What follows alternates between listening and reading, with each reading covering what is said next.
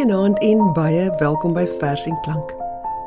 Die afgelope paar maande het 'n hele paar digters hier in die ateljee kom kuier om oor hulle nuutste bundels te gesels. En dit is verfrissend om te hoor wat deesdae in Afrikaanse poësie aan die gebeur is. Maar toe kry ek nou die dag 'n lus oor my om 'n slag weer een van ons ou digters se werk te lees. Vroeger vanjaar het ons na voorlesings van Eugene Marais en Uyskriege se gedigte geluister en ook Sheila Cousins en MM Walters se debuutbundels van nader bekyk. Gaan loer gerus op RSG se webwerf. Elkeen van die programme is daar as potgooi beskikbaar indien jy dit dalk misgeloop het. Nou vanaand sleep ek 'n regte groot kanon nader. Dis 'n Afrikaanse digter wie laas Vrydag op die 29ste September sou verjaar het. Almal van ons het reeds in voorgeskrewe werk op skool met sy gedigte te doen gekry. Dalk het julle joernaal van Jorik in die Afrikaanse klas behandel of een van sy dramas soos Periandros van Korinte. Heelwat van sy gedigte het ook al volksbesit geword. Dink maar aan die woorde van die gedig Sproeireën. My nooi is in 'n nartjie, my ouma in kaneel. Of daardie versie oor 'n Makwaland Op die groot saai dag van die heelal het reeds 'n entjie diskant woepertal oor die kaal noordweste 'n sakkie van die Heer se beste saad per ongeluk gelek, gelek en uitgeval. Die digter ter sprake het naas die rits digbundels en die handvol versdramas wat hy geskryf het, ook die groot verseboek saamgestel. Hy was 'n dosent en mentor vir menige voornemende jong digter wat later jare in die literêre wêreld sou namaak. Ja, hy is ongetwyfeld een van die invloedrykste stemme in die Afrikaanse poësiekringe en dis natuurlik niemand anders nie as DJ Opperman. Oor die volgende paar weke neem ek en die voorleser Nick de Jager jou graag op reis deur hierdie man se lewe en gedigte. Ons spring vanaand weg met voorlesings uit DJ Opperman se eerste twee bundels, Heilige Beeste wat in 1945 gepubliseer is en Nege ster oor Ninive wat in 1947 verskyn het. Die gedigte is taamlik uiteenlopend, maar net so was die temas waaroor Opperman met groot gesag kon dig. Hier en daar is ook verse met 'n meer biografiese kleurtjie. Maar eers net so 'n bietjie agtergrond oor die digter self.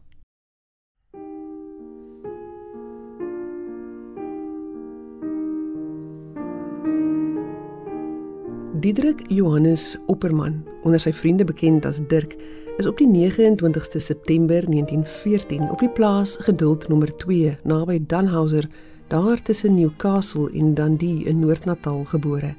Hy was die oudste van 8 kinders met 5 broers en 2 susters. Sy mense was skaapboere en wintertyd het dit soms maar broekskeer gegaan om die vee daar in die voetdewels van die Drakensberg in die lewe te hou.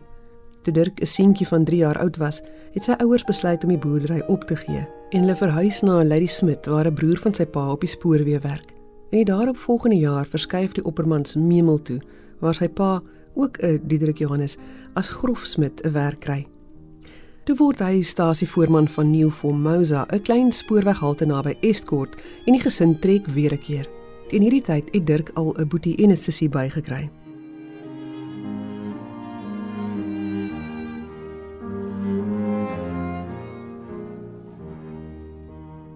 Nog swerwersjare het gevolg. In 1923 verhuis die oppermans na Colenso en skaars 3 jaar later moet Dirk se pa weens hartprobleme op die spoorweë bedank. Hulle trek terug Estcourt toe waar hy 'n versekeringsagent word. Daarna skuif hulle weer, die keer Vrede toe, waar Dirk en sy broer Maans vir 'n jaar of wat uit die skool gehaal word sodat hulle hulle pa met opknappingswerk aan die woonhuis kan help. Op die ou einde skryf Dirk Opperman in 1934 op Vryheid Matriek. Dit is ook waar hy vir Marie van Reenen met wie hy 'n hele klompie jare later sou trou in die debatsvereniging ontmoet. In 1935 is hy met 'n onderwysbeurslening na die Natalse Universiteitskollege in Pietermaritzburg.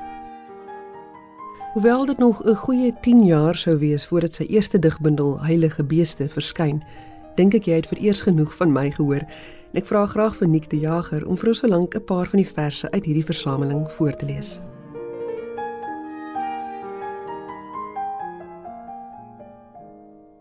Vyf uur. Die vensters gryp geel strooi van reën. Die dakke kwyn tot malvas lig. En met die skemer oor die strate skuif die moe duisendpoot terug Wentel en wentel die wêreld uit deur verdiepings, die eerste, die tweede, tot hy homself in eie duister sluit.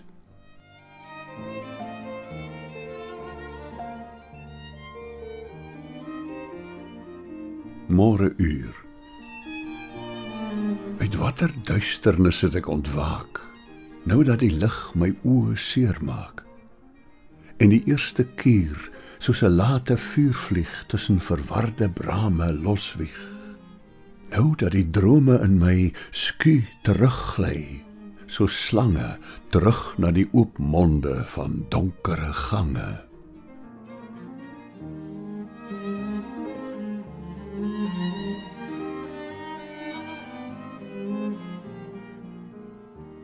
Naaldekoker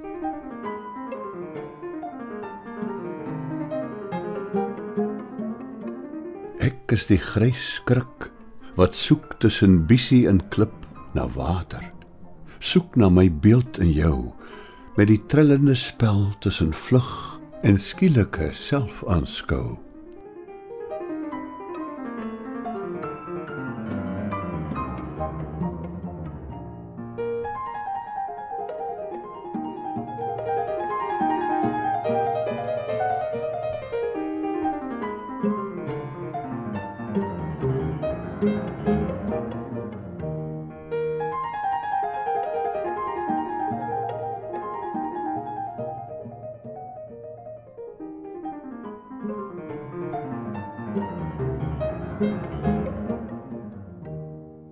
Na die myninstorting.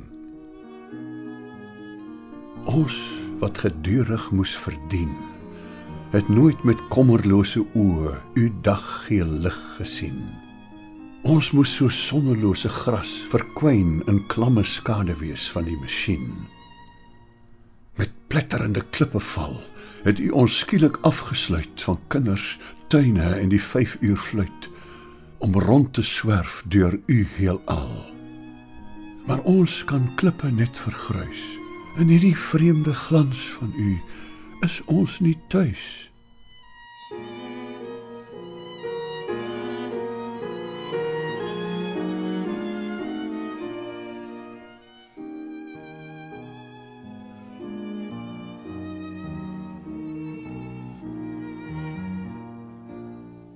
Die gedig wat Nick sopas gelees het na die myninstorting is een van die gedigte in Heilige Beeste wat Opperman geskryf het oor dinge wat hy op 'n jong ouderdom beleef het. Hy was 16 jaar oud toe hulle gesin vryheid toegetrek het, 'n dorp omring deur steenkoolmyne. In sy studentejare het van sy verse reeds in publikasies soos die Natal University College Magazine, die Huisgenoot en die Natalse Afrikaner verskyn. In 1937 voltooi Opperman sy BA graad en verwerf hy daarop volgende jaar ook die hoër onderwysdiploma. Teen 1939 het hy ook sy meestersgraad voltooi en was Opperman met 'n Victoria Beurs sterk op pad Nederland toe vir verdere studies toe die Tweede Wêreldoorlog uitbreek. Hy word toe liewer 'n onderwyser by die Voortrekkerskool in Pietermaritzburg terwyl hy terselfdertyd ook hier verder studeer. Dirk Opperman en Marie van Reenen teen hierdie tyd ook 'n gekwalifiseerde onderwyseres, is in 1942 getroud en sy het ook by die Voortrekkerskool begin klas gee. Reeds vroeg in die titelgedig van Heilige Beeste maak ons kennis met die sogenaamde drie drifte in Opperman se poësie: die aardse, die vrou en soos hy dit noem, die groot groot gees. Dit word deurlopende temas in sy bundels en ons lees dikwels ook raak hoe die aardse en die geestelike binne Opperman se gemoed met mekaar stoei. 'n Mens kan nie help om te wonder of die volgende gedig, ook uit Heilige Beeste, dalk iets vertel van die aantal jare voor huwelik wat Dirk Emery eers in stede en dorpe ver uit mekaar gestudeer en gewerk het nie. Verlange. Hoe lanksaam is die aande sonder jou? As alles in die stiltes doelloos lyk. En ek uiteindelik 'n boek oopvou, maar ure na dieselfde woorde kyk.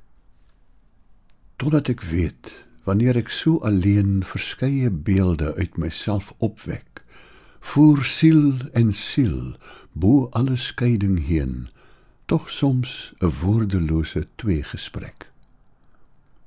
Van al my vriende in die stad verskuil in hulle samekomste luid en leeg word ek 'n eensaam afgeslote kuil wat net in dieptes van myself beweeg want jou afwesigheid is meer vir my as al die vreugdes wat ek elders kry Die jaar na hulle troue is Dirk se pa op die ouderdom van 52 oorlede.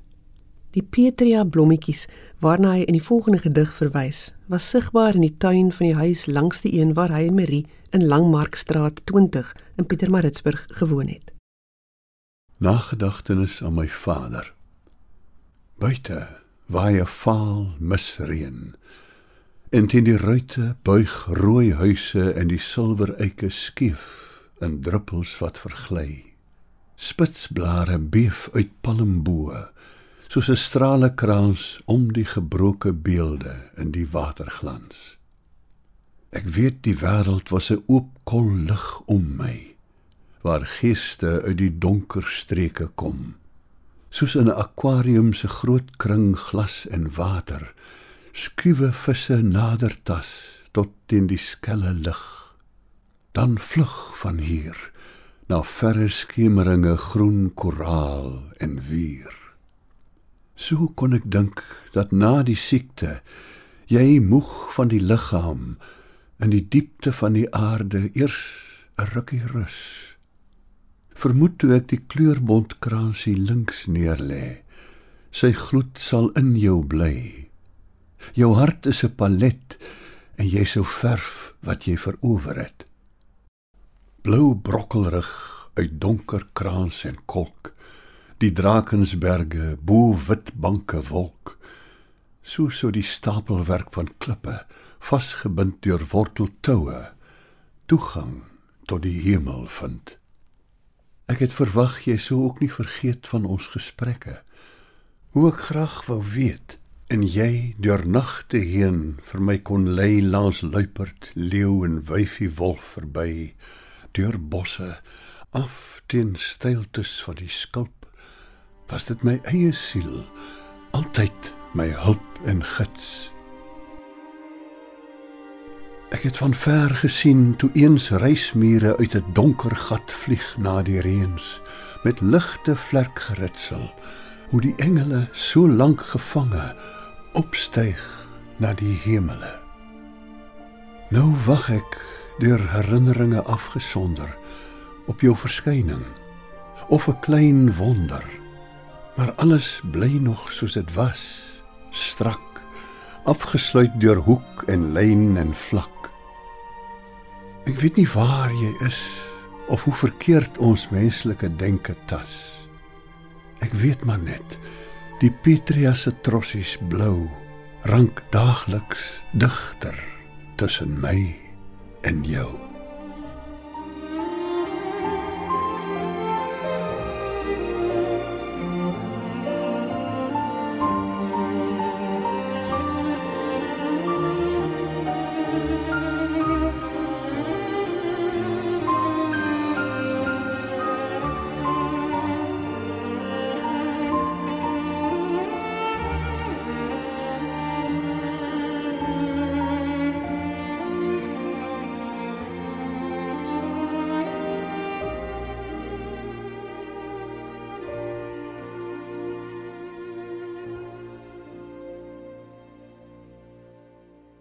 Jy luister na 'n vers en klank saam met my Sofia van Taak en die voorleser Nick de Jager.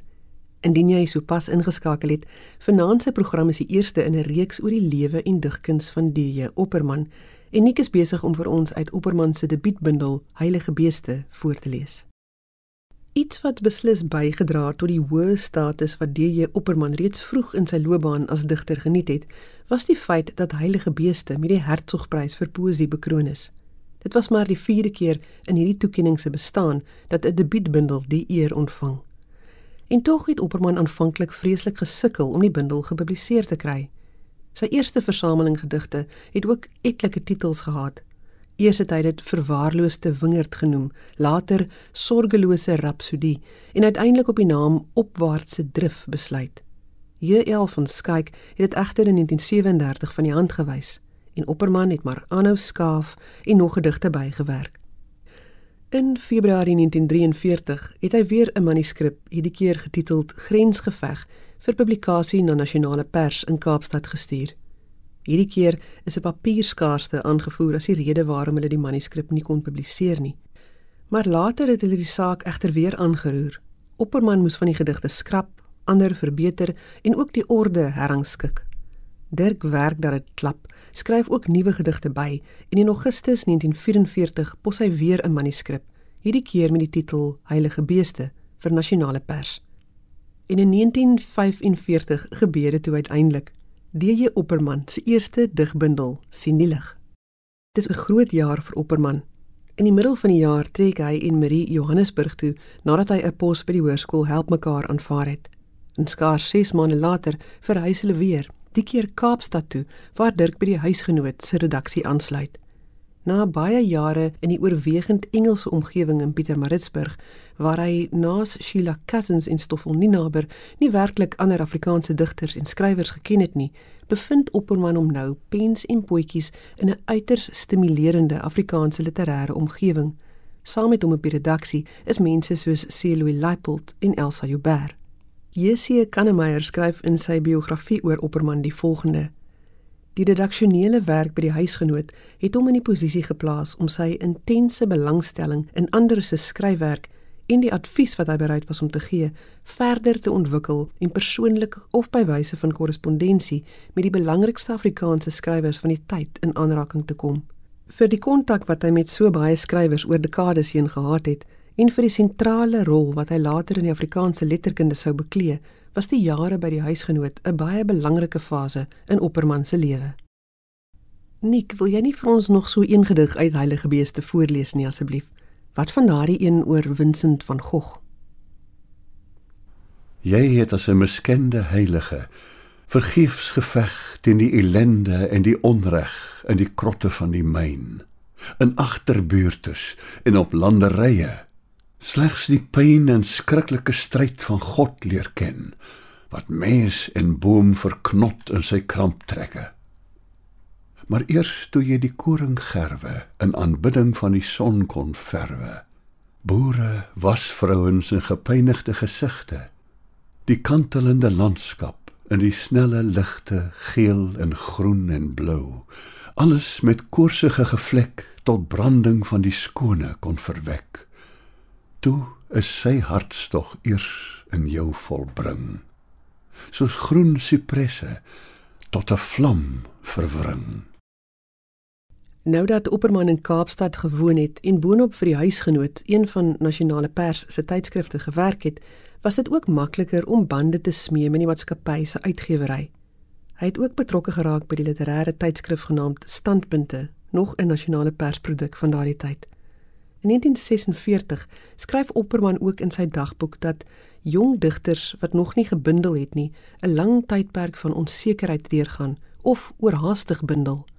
Hy het gevoel daar's 'n behoefte aan iets soos 'n voorlopige publikasie wat sulke digters kan help met siftingswerk en selfkritiek en terselfdertyd ook reeds 'n bietjie erkenning aan hulle werk kan gee. So kom die publikasie genaamd Stibiel tot stand wat 'n bloemlesing bevat uit die werk van jong digters soos Jan Rabie, Ina Rousseau en G.A. Watermeyer. En Opperman self se tweede bundel, Nege ster oor Ninive, verskyn in 1947. Die bundel word goed ontvang. Ernst van Heerden noem dit die bevestiging van Opperman se kunstenaarskap en beskryf Nege ster as 'n merkwaardige bundel om die strakker intellektuele inslag van die verse die visionêre grootsheid van die digter se sieninge en die eerste vel deurdringende poëtiese belewing van die erotiek in Afrikaans. Intussen is Dirk en Marie se eersteling, 'n dogtertjie wat hulle Trinke noem, op 10 Mei 1946 gebore. Hieroor skryf hy in sy dagboek: Ek het haar koel, cool, nugter beskou, swart haartjies, wit velletjie, 'n vet gesiggie. En onderwyl ek na haar kyk, die dik toe oogies, het sy begin huil. Toe raak sy my waar ek nog nooit geraak is nie. Ek wou saam huil, haar neem en vertroetel, beskerm. Vaderskap het nuwe insigte en verantwoordelikhede gebring. Die kringloop van die lewe en die kontinuïteit wat oor geslagte heen strek, is temas waaroor hy nou dig. Ons sluit af met die gedig 9 ster en stedelig wat juis hieroor gaan. Skakel gerus volgende Dinsdag aand in vir die tweede program in hierdie reeks oor D.J. Opperman. Ek groet namens myself en Nik de Jager 'n mooi aand vir jou. 9 ster en stedelig. Terwyl die 9 sterre en die stedeligte witter in die donker suidelike nagte om ons skitter. Slaap jy nog weg 'n nag en sweye langs mos en varings van eertye 'n see anemoon waar geel spirale lig deur water in jou van 'n oerson daal. Daal in jou slaap. Jy roer 'n vis teen riet en maan se perlemoer. Jy sluimer in 'n tonnel van die kuil 'n otter in nat holtes nog verskuil. Dan stort jy skielik uit as mens besitter van die nege ster en stedelig se skitter. Saans as die rye ligte langs die strate brand sal jy met wye oë en met kleine hand vir my bedui en stotterend sê hoe groot houttolle kabels in diep slote lê. Partymal sal jy by my tafel neul om na die sirkus of die malle meul te gaan en vaster om jou groei bioskope, fabrieke, speurverhale en mynhope. Sans sal die stad se ligte witter in jou donker siel bly skitter. Watter kaart of watter ster sal ek jou wys om veilig deur die grysland heen te reis? Sal ek van 'n God praat wat verdoem, van Christus en die 10 gebooie noem? Voorlopig dan, maar onthou altyd aan jou dade grens 'n ewigheid. Gee sin aan voorgeslagte deur die eeue heen. Besef jy is 'n vegter weer van die begin, alleen. En mag die suiderkruis en nege sterre witter as die stedeligte in jou siel bly skitter.